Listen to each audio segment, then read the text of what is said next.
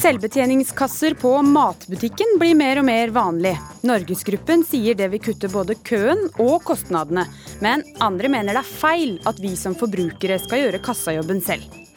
AUF vil ha etisk merking av porno for å skjerme ungdom. Men Norges eneste pornofilmstjerne sier porno uansett ikke har noe med virkeligheten å gjøre. Folk ser på porno fordi de har en fantasi om noen ting, men det er ikke dermed sagt at de fremhever det i virkelig liv. Og er det innafor å gi folk en klem i en profesjonell sammenheng? Innimellom, sier Fabian Stang. Overhodet ikke, sier politisk redaktør Frøy Gudbrandsen.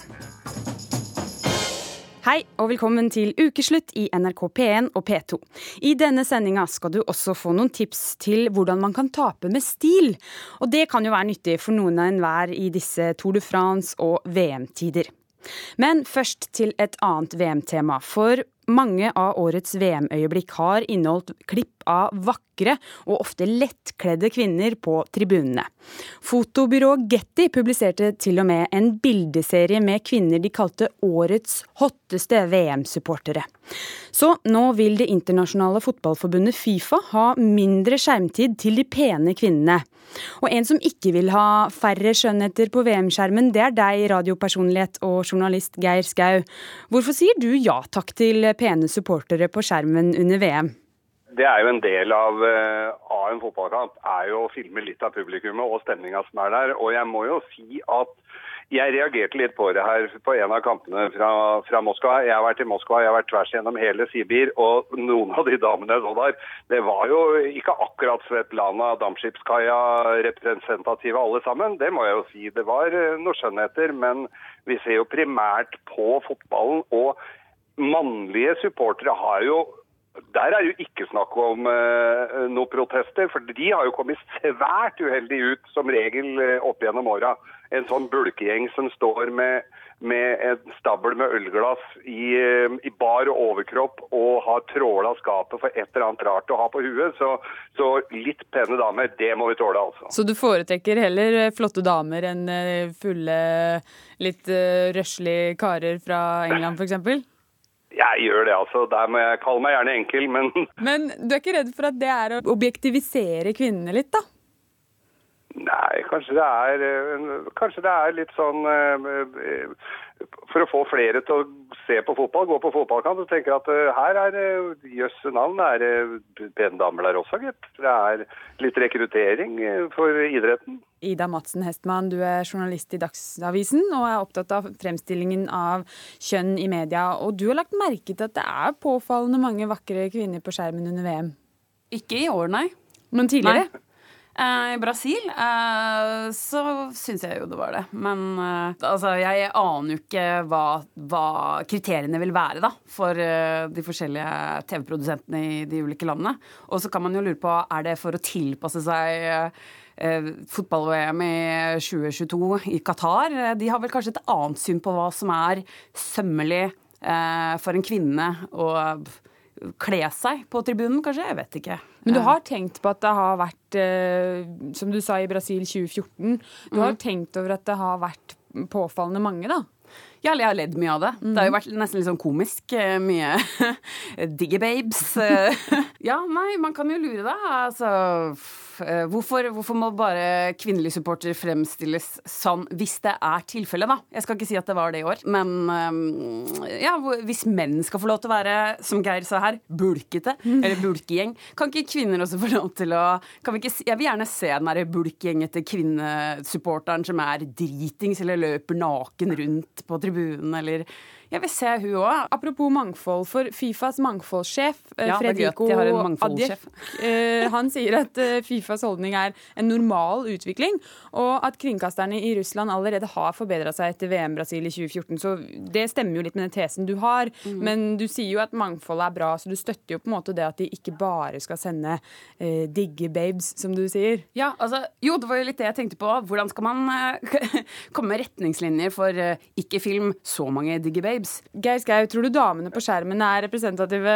Du sa jo at uh, de kanskje ikke er det, fordi du følte at uh, rundt omkring i Russland så så du ikke så mange pene damer. Tror du det er en mulighet for at kameramenn fokuserer på de lekreste kvinnene? Det er vel både bildeprodusenter og kameramenn som har vært uh, lenge borte hjemmefra her, som syns det er sikkert fint å fokusere på det. Men uh, jeg syns jo det er morsomt det, at, at, Fifa har et, en mangfoldsjef altså, som sitter og, og, og jeg vil, så, som Ida sier, jeg vil gjerne også se den der bulkgjengen som har varma opp litt lubbent og, og, gjerne er litt lubne og har striking uh, rett over midtbanen. Men det er jeg litt usikker på om vi får se, altså. Men uh, lubben eller sixpack, altså Skau, du er jo glad i fotball. Syns du ikke da at lettkledde kvinner egentlig kanskje tar fokuset vekk fra kampen? Nei, det gjør ikke det. Du sitter ikke og ser på en fotballkamp og venter på at det skal bli filma fra tribunen. altså. Da det, det, det, Jeg tror egentlig ikke jeg heller. Nei. Nei. Men én ting er jo eh, Når vi snakker om nettopp hvem som velger ut bilder, så syns jeg det er litt interessant. Og når man snakker om dette med normal utvikling For da Jeg har jo selv vært kameraassistent her på NRK, og da, da får du jo se litt hvordan dette fungerer med utvelgelse av publikummere. Og jeg har selv blitt bedt om kan ikke du finne en som ja, ser litt engasjert ut, eller blir litt lei seg av den låta, eller Ikke sant? Så du, du går jo selv og leter, men nettopp derfor, fordi kanskje det er en økt andel kvinnelige eh, kamerateknikere, eh, så kanskje man automatisk og underbevisst eh, velger da ut litt annerledes. Eller hvis man er kameramenn som er kanskje litt mer bevisste på likestilling og feminisme og kjønnsstereotypier, mm. så, så, har man lettere for å kanskje mer og mer automatisk bare velge kvinner som ser helt normale ut. Mm. Eh, hva nå enn det er. Det skal ikke jeg definere heller.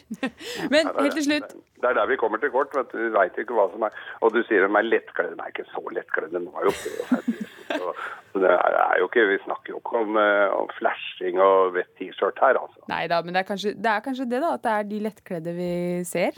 Eller, eller kanskje mer, mer presist seksualiserte. Fordi du kan vel like gjerne være lettkledd og ikke se Eh, eh, liksom seksuelt attraktiv ut. Mm. Eh, så det blir vel mer dette Det er vel mer det fokuset på å seksualisere kvinner som objekt, kanskje, som man prøver å adressere, tenker jeg. Helt til slutt, hvordan tror dere det vil være under neste VM? Geir Skau først. Ja, det skal bli spennende å se. Du slipper damene inn på stadion der i det hele tatt? Ja, ikke sant. Det lurer jeg også på. Men og slipper de inn, så ser vi, ser vi øynene over hodet, eller? Ja, jeg tror det kan være det. Men vi, et, et, siste råd her for folk som lar seg eh, distrahere av disse damene. Hør på Radiosporten. Fantastisk alternativ. Takk til dere, Geir Skau og Ida Madsen Hestmann. Under VM er det naturligvis mange som taper og noen som vinner, og det er helt forskjellig hvordan folk tar det. Noen spillere kaster seg ned på gressmatta, river seg i håret og lar tårene falle fritt når det blir klart at de ikke går videre. Andre forholder seg mer rolige, selv om skuffelsen kanskje er stor. Så vi lurer på hvordan taper man egentlig med stil, og går det i det hele tatt an? En som vet hvordan det er å tape i en konkurranse, er Didrik Solli Tangen. Han kom på andreplass i Stjernekamp eh, i fjor høst, og slik hørtes det ut da Adam tok førsteplassen rett foran nesa på Didrik. Vinneren av Stjernekamp 2017 er han er en så utrolig dyktig fyr, da. og det var helt på sin plass at Norge fikk vite om det nå. Er det noen som på en måte skulle fortjene den seieren, så er det på en måte han. Så det, jeg syns det var helt riktig at det, at det falt på hans eh, kappe. Adam! Didrik Solli Tangen, hvordan føltes det da programlederen leste opp navnet på vinneren, og det ikke var deg? Jeg hører jo nå at jeg er veldig god til å ljuge.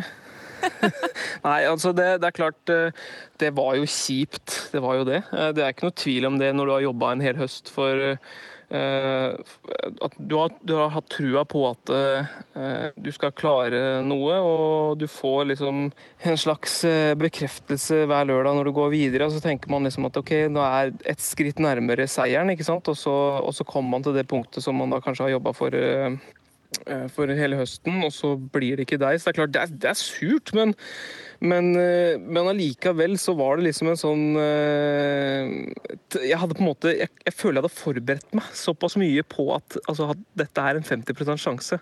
Altså, jeg, Enten så er det han, eller så er det meg som vinner. og da var det sånn man må være veldig klar for at det, det ikke blir deg. Da. Så, så jeg følte at det, det var kjipt, men det, det, gikk liksom veldig greit også. Hedvig Montgomery, du er psykolog og har bl.a. jobba med å følge opp eh, deltakere i reality-programmer, som f.eks. Paradise Hotel.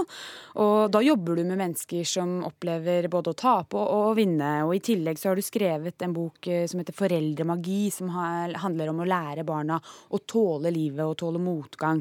Hvordan kan man egentlig tape med stil? Nå må jeg si at Det å tape med stil er det vel egentlig ingen som gjør. Eh, fordi tap er nettopp det det er. Det er noen ting du ikke ikke får. Eh, og det oppleves som vanskelig for alle mennesker. Alltid. Sånn kommer det alltid til å være. Men hvor mye det, det, river i deg, handler egentlig om to ting. Det ene handler rett og slett om oppveksten din. Eh, hva, hvordan har du taklet motgang før? Hvordan har du lært deg å reise deg igjen når det ikke har gått som du trodde? Og for det andre så handler det om det som Didrik er inne på, rett og slett å ha forberedt seg. Sett for seg det bildet at det kan faktisk være jeg som får det spørsmålet du kom på annenplass, annen plass, hvordan kjennes det ut? Og ha et svar på det, sånn at du ikke føler deg helt som fisk på land når du står der. Ja, for ofte når man hører om tap og, og, det å vinne, så er jo veldig mange som skal motivere folk til å vinne, snakker jo ofte om at man må bare se det for seg. Man må se for seg å vinne. Men det er kanskje vel så viktig å også se for seg å tape, da? Absolutt. Eh, og ikke bare det, men det er, Didrik sier en ting her som er veldig riktig. Det er at den type situasjoner hvor du går ett hakk videre, ett hakk videre, ett hakk videre, gjør jo at du får et klarere og klarere bilde for deg på at det, dette går bra. Mens hvis du er med i pantelotteriet, så, så er, du har ikke investert så mye. Men jo mer du har investert, jo nærmere du kommer, jo mer vil du kjenne på det fysiske tapet. Du fikk det faktisk ikke. Og jo nærmere dit du kommer, jo mer klar må du være på at dette er en konkurranse. Det har massevis av tilfeldigheter i seg, og når det gjelder Stjernekamp, så er jo det virkelig tilfellet. Hvem som ser på, hvem av dem som ser på, som stemmer. Altså Det er så små ting som avgjør. Så det trenger ikke engang å ha noe med deg å gjøre. Og nettopp derfor så må du ha det bildet klart for deg. Ja, kanskje blir det jeg som får tilfeldighetene, kanskje ikke. Eller i VM-ens verden så kan det jo være noe så enkelt som et selvmål, eller noe så tilfeldig. Nå tror jeg at folk som er mer opptatt av fotball enn deg og meg, ville ikke sagt at selvmål var tilfeldig, men OK. Det er, det er helt klart at det er små marginer, og det ser man. Det er, det, som, det er, jo det som gjør fotball så spennende. Helt klart. Men Didrik Solli Tangen, hvordan tenkte du gjennom muligheten for at ting kunne gå skeis? Jeg, sånn, jeg, er litt sånn generelt i livet, egentlig. At uh, jeg, jeg, jeg, vil helst være forberedt på um, alle utfall, hvis jeg kan si det sånn. Uh, så jeg er en sånn person som liker å tenke gjennom OK, um, hvis jeg skal gjøre det, kan det komme til å skje? Hva gjør jeg da, hvis det skjer? Så jeg på en måte bruker ganske mye tid på å tenke gjennom eh, forskjellige utfall. Da. Eh, sånn at jeg skal være forberedt eh, på de forskjellige scenarioene, hvis jeg kan si det sånn. Eh, det er vel nok litt spesielt å gjøre det, men allikevel så føler jeg at eh, eh, det er så mye bedre å være forberedt på noe kjipt, da. Og at du heller kan Hva skal jeg si? At det ikke skjer, enn at, du, at det skjer og du ikke er forberedt på det. Så jeg føler at det å på en måte ha, en, uh, ha, ha tenkt tanken på at uh, noe du skal gjøre, uh, kan ta en, en annen vending, da. det kan være ganske greit å ha med seg i sekken. Og her må det sies at de nøkterne optimister, hvis vi skal kunne kalle deg for det, er også de som er lykkeligst. Så det å, ja. å ha rett og slett et, et realistisk syn på hva kan skje, og hva er mitt bidrag i det, gjør at du klarer deg bedre her i verden. Men vær klar over én ting, du er jo også her en velskolert sanger. Og det å lære seg å spille et instrument, eller å synge, som jo er mye av det samme, jo, gjør at du blir veldig vant til tilbakemeldinger. Gjør at du blir veldig vant til å ta imot ok, litt mer sånn, litt mer der. Eh, og gjør deg også bedre til å håndtere den type situasjoner. Så det er en av grunnene til faktisk at det å å bruke litt av barndommen sin på en sånn ferdighet ikke bare betyr noe for at da kan du noe, det instrumentet eller, eller den eh, sangformen, men det gjør også noe med din måte å tenke på. Men i VM eh, hvor det er mange tap, og i morgen er det jo finale, hvordan skal man unngå at et tap tar helt knekken på seg, Didrik? Hva tenker du? Jeg tror jo at, eh, som jeg sier, den, hva skal jeg si, å forberede seg litt på det. Altså vite at eh, ok, det her eh, spesielt da, i en sånn finale, eller hvor det er en hvor det er på en måte enten, enten så vinner du, eller så taper du. på en måte. Det er to forskjellige utfall. Så er det en veldig stor altså Det er 50 sjanse da, for at det går den ene eller andre veien. Og da er det så greit å liksom vite at det, det kan skje. Det er, det er kjipt, men, men det er på en måte en av oss eller én av eh, de to lagene skal jo eh, på en måte tape. Så det er liksom sånn Jeg tenker at man må, man må forberede seg på den måten, men så tenker jeg også at eh, Hedvig sa i stad dette med å på en måte ha altså oppvekst og trygghet i seg sjøl, hvor du på en måte kanskje er fostra opp sånn at du ikke du er, du er, ikke god fordi du klarer å utrette noe, men du er god fordi du er et menneske som på en måte er verdt noe. da. Det er med å eh, blir målt opp mot hva du klarer å prestere, mener jeg er liksom egentlig litt feil. da. Jeg vet ikke om det, om det make no sense, men det Hva tenker du, Hedvig Montgomery? Mm, masse sens. Du er ikke dine prestasjoner, du er deg. Eh, og jo flere, si, jo, ja, jo flere, rundt deg som gir deg den opplevelsen, jo lettere er det også å prestere. Og det er jo det som er så interessant. For å lage trygge eh, tapere, så må du lage trygge mennesker. Og trygge mennesker handler om å være i kontakt. Tusen takk til dere, Didrik Solli Tangen og Hedvig Montgomery. Nettsider med porno som viser vold eller voldtekt bør blokkeres, mener Arbeiderpartiets ungdomsorganisasjon AUF, som denne uka lanserte begrepet etisk porno. AUF vil nemlig merke filmer som har hatt gode arbeidsforhold, og som gir et mer realistisk bilde av hva sex er som etisk porno. Men blir det noe igjen av pornoen da? Reporter Kari Li prøvde å finne ut hva AUF egentlig har tenkt. Ja, det er lyd og noe stønning og noe musikk og noe greier. Dette er Monica Christiansen, på nettet kjent som Monica Milf, som i Mother I'd Like To Fuck, eller på norsk Mor jeg skulle likt å ligge med. Du får se på den uten å bli sjokkert. Jeg skal straks ta en titt på en av de mange hardpornofilmene Christiansen har lagd, men først en tur til AUF. For denne uka kom nyheten om at AUF vil blokkere nettsider som har voldelig eller grenseoverskridende porno, og innføre en merkeordning for etisk riktig porno. Hei, hei. Se, nå håper jeg ikke den har smelta.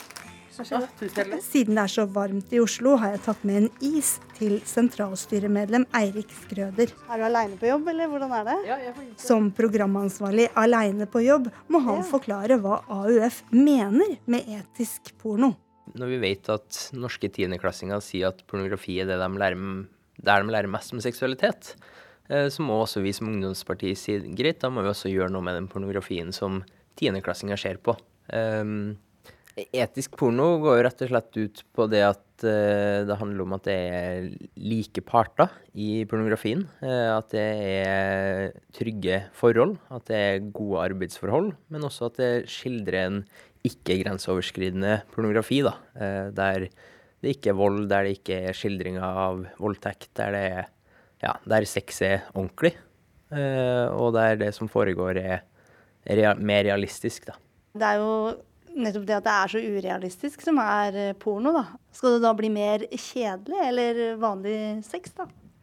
Ja, altså hvis det er det som må til. Men nå tror jeg jo altså Seksualitet og seksuelle handlinger kommer jo i alle form og farger, eh, for å bruke det uttrykket. Eh, og det tror jeg nok også en sånn etisk pornografi vil gjøre. Jeg tror ikke det er ett sett med bare én stilling her og én stilling der. Ok, Nå må vi spise litt is, for den smelter. Eirik Skrøder vil ikke finne fram eksempler på etisk porno på AUF sin bærbare PC. Han vil bare spise is. Etisk porno? Ja. Riktig. Hva tenker du det kan være? Ikke godt å si. Det er altfor stor eh, grad av ungdom i dag som ser på porno og får feil oppfatning av hva sex er. da.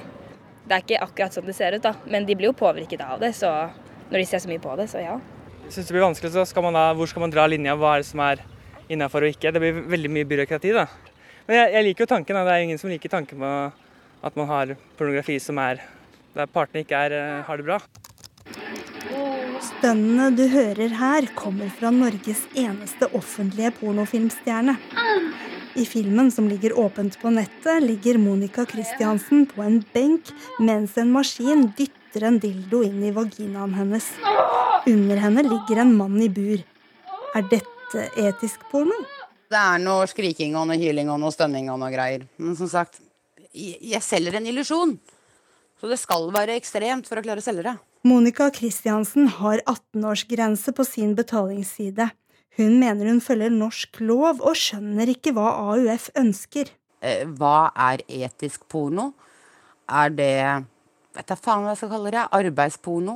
Liksom rørleggeren og husmora har sex sammen? Er det Hva er etisk porno? Kristiansen mener porno og realisme ikke hører sammen. Folk ser på porno fordi de har en fantasi om noen ting. Men det er ikke dermed sagt at de fremhever det i virkelig liv. Fantasien er det som pirrer deg. Og porno er nå en gang basert på voksne menneskers fantasi. Det er ikke lagd for at uh, unger skal se på det. Men hva om unge som har minimal erfaring, tar den pornoen du lager på alvor, da? Jeg tror det er litt viktig å ha seksualundervisning og hjemmefra faktisk prate om hva som eksisterer på nett. Problemet med alderskontrollen er på tube-sidene, typ Pornhub og YouPorn og alt dette greiene her. Og så lenge de har pornografisk innhold, for sex selger uansett hvordan man vrir og vender på det, og det vil folk se, så går de på gratissider, og der ligger problemet. Ja, for der eh, Og hvis du klarer å stoppe det for meg, dem klarer å stoppe det for meg, så det blir alderskontroll der, skal jeg jaggu gå og gi dem en god klem og en rose. Ja, det hadde vært supert. Eh, kaffe trenger ikke. Vann eh. Stemmen som takker ja til et glass vann på et av NRKs distriktskontor, er velkjent i norsk pornobransje. Prinsipielt så er jo jeg enig med hva AUF ønsker å få til. Eh, Dette her var jo noe jeg selv etterspurte da jeg jobbet i bransjen for 15 år siden. Han heter noe annet nå, men i denne sammenhengen vil han fortsatt kalles Thomas Rocco Hansen. På 2000-tallet fikk Rocco mye kritikk fordi han oppsøkte russejenter for å hyre dem til filmer. Kommer du snart, eller? Som denne, hvor ei jente gir han oralsex i fjæra. Hvor vil du ha sprøyten, da? I ansiktet. I ansiktet?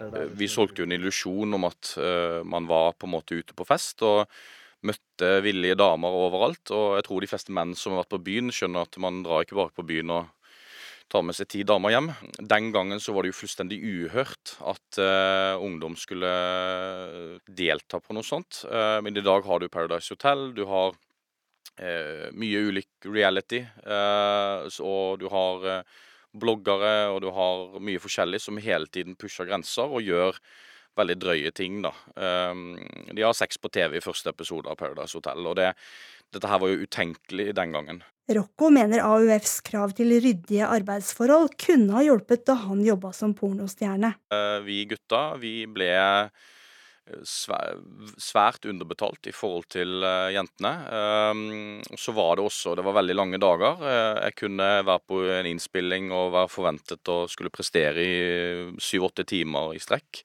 Men Thomas Rocco Hansen har ingen tro på AUF sin merkeordning for etisk porno. Han tror heller ikke det vil gå å blokkere internasjonale pornonettsider.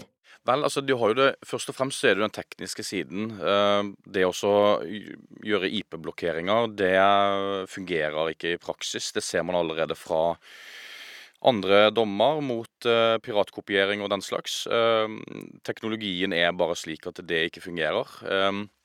Og, og da er det kanskje andre tiltak som ville vært mer effektive, kanskje for å hindre at mindreårige får tak i dette, den slags materiale. da. Det å skulle regulere eh, voksne menneskers seksuelle preferanser på internett tror jeg blir eh, bortkastede ressurser da, når vi har så mye annen alvorlig kriminalitet som pågår. Kasser i butikken som er selvbetjente, er et supplement til vanlige kasser, sier Norgesgruppen, og mener at det ikke er, ikke er grunn til å bekymre seg for at flinke butikkmedarbeidere blir erstatta med det første. Klemming er blitt stadig mer utbredt i jobbsammenheng de siste årene. Men det er ikke blitt noe mer komfortabelt med tida, sier politisk redaktør. Skal man klemme, eller er det best å håndhilse på folk?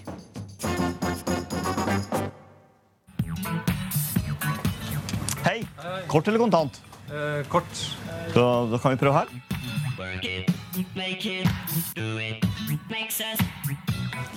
Bare skanne varene her, du. Ja, altså.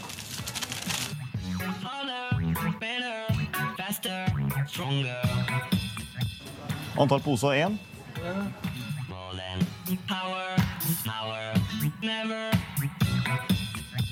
Bruker du lappen til å komme ut med? Ja. Skanner bare den.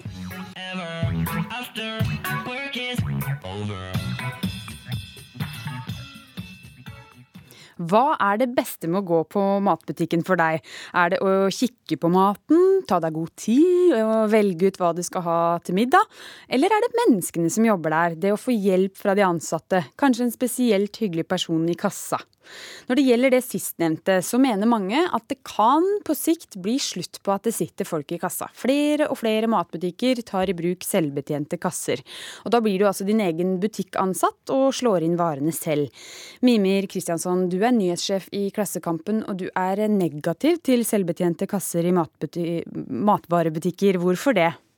Jeg er i hvert fall veldig skeptisk hvis det skal erstatte alle de menneskene som jobber i dagligvarebransjen. Altså det jobber 160 000 folk i dagligvarebransjen. og det er en av veldig få plasser hvor det ennå er mulig for dyktige, arbeidsomme, oppfinnsomme mennesker som er ufaglærte, altså som ikke har utdanning, å, få seg jobb. Det sysselsetter enormt mange ungdommer, enormt mange innvandrere.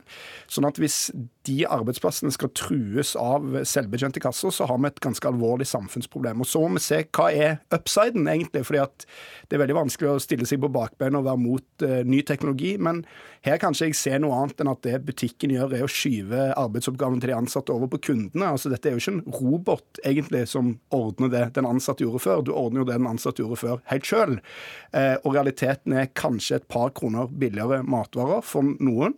Men samtidig så er det altså veldig mange titusenvis av arbeidsplasser i fare. Og så er det jo verdt å minne om helt til slutt at jeg tror ikke at denne innsparingen bare vil gå til billige varer. Noe her eh, går vel på marginene til eierne òg. Og hvis vi ser på de som eier dagligvarebransjen i Norge, så snakker vi om Odd Reitland, som eier Rema. Han er god for 48 milliarder kroner. Eh, Johansson, som eier Norgesgruppen, som snart kommer her, de er god for 38 milliarder kroner. Så en, en overføring av penger fra butikkansatte til, til eierne i matvarebransjen, det er ikke en veldig god fordelingspolitikk. Nå skal vi høre fra Norgesgruppen. Vi har med oss Truls Fjelstad, du er markedsdirektør der. Dere har uh, selvbetjente kasser i butikker som bl.a. Meny. Er det fremtiden?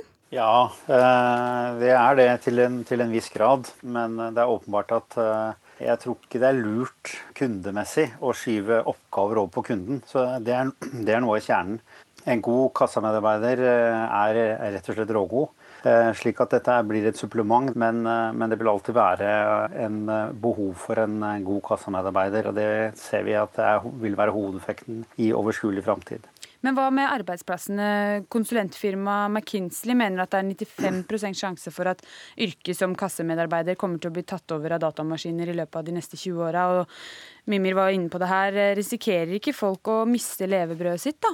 Hvis du tar ordentlig lang sikt, så vil det kunne komme endringer. Eh, helt åpenbart. Men eh, da er ikke den løsningen som er i dag, med selvbetjente kasser, i nærheten av å være god nok.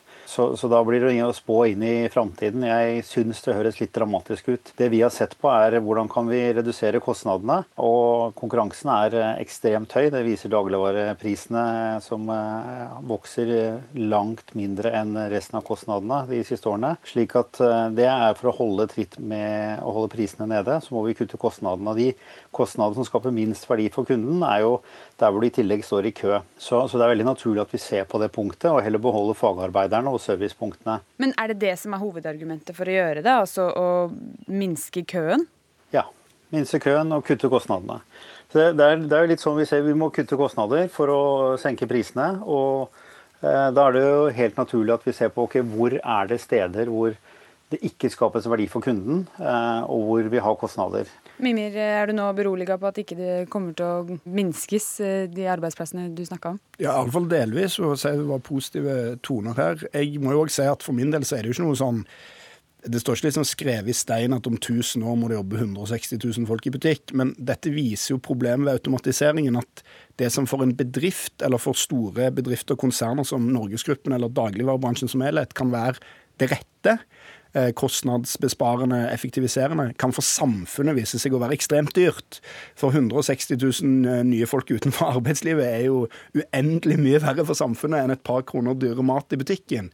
Eh, sånn at her har vi liksom et klassisk sånn egentlig kapitalistisk paradoks, da, at du har en konkurranse mellom, mellom, aktører som prøver å holde ned kostnadene hele tiden. og De gjør bare som, på en måte som de må, men effekten for samfunnet kan potensielt bli ganske skadelig. Men jeg vil òg bare problematisere bitte litt dette med, med, kostnadskutt. fordi at nok en gang, Jeg skjønner jo hvorfor Norgesgruppen er nødt til å kjempe for sine markedsandeler osv. Men vi har havna i en situasjon i vårt samfunn der folk, altså kunder, veldig mange kunder, knapt er villige til å betale det det koster å produsere ting. Eh, bøndene tynes på sin side i matvarebransjen. Man ser jo hvor billig det er blitt å fly. Der tynes arbeidsvilkårene til kabinansatte, til piloter. På område etter område så blir det et sånt forbrukerfokus der prisen skal ned eh, for et par kroner.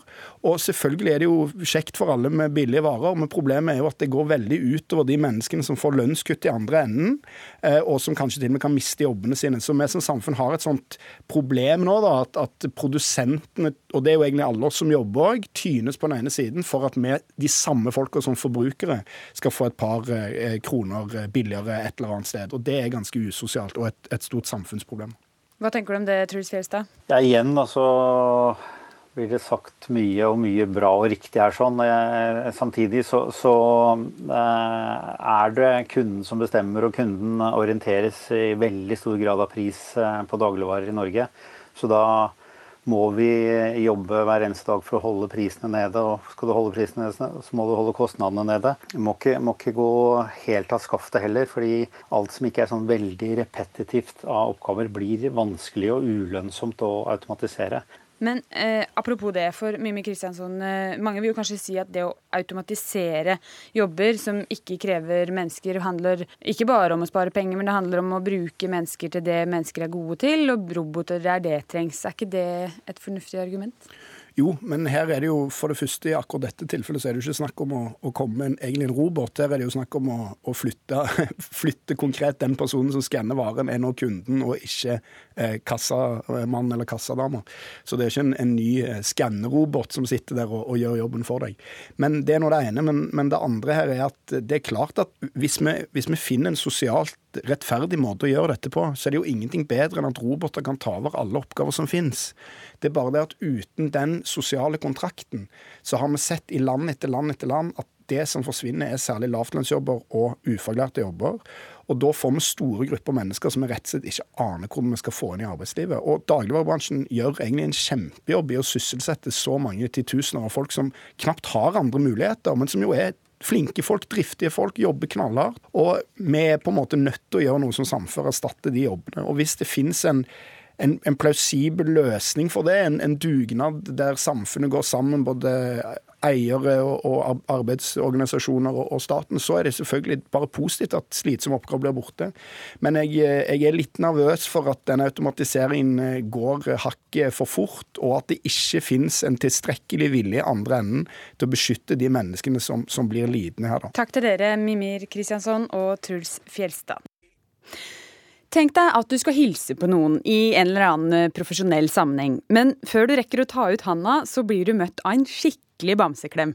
Det her er politisk redaktør i Bergens Tidende, Frøy Gudbrandsen, ikke særlig begeistra over. Gudbrandsen, du mener et håndtrykk er mer enn bra nok. Forklar.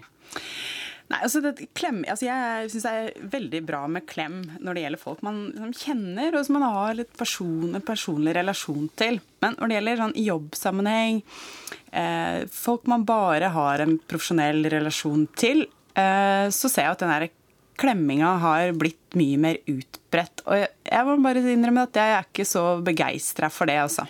Men kan du forklare med noen eksempler hvordan du har opplevd det bokstavelig talt på nært hold? Nei, altså Eh, det er f.eks.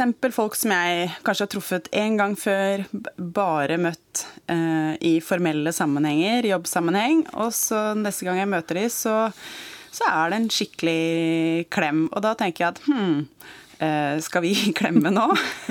det er ikke, var ikke jeg egentlig helt klar for.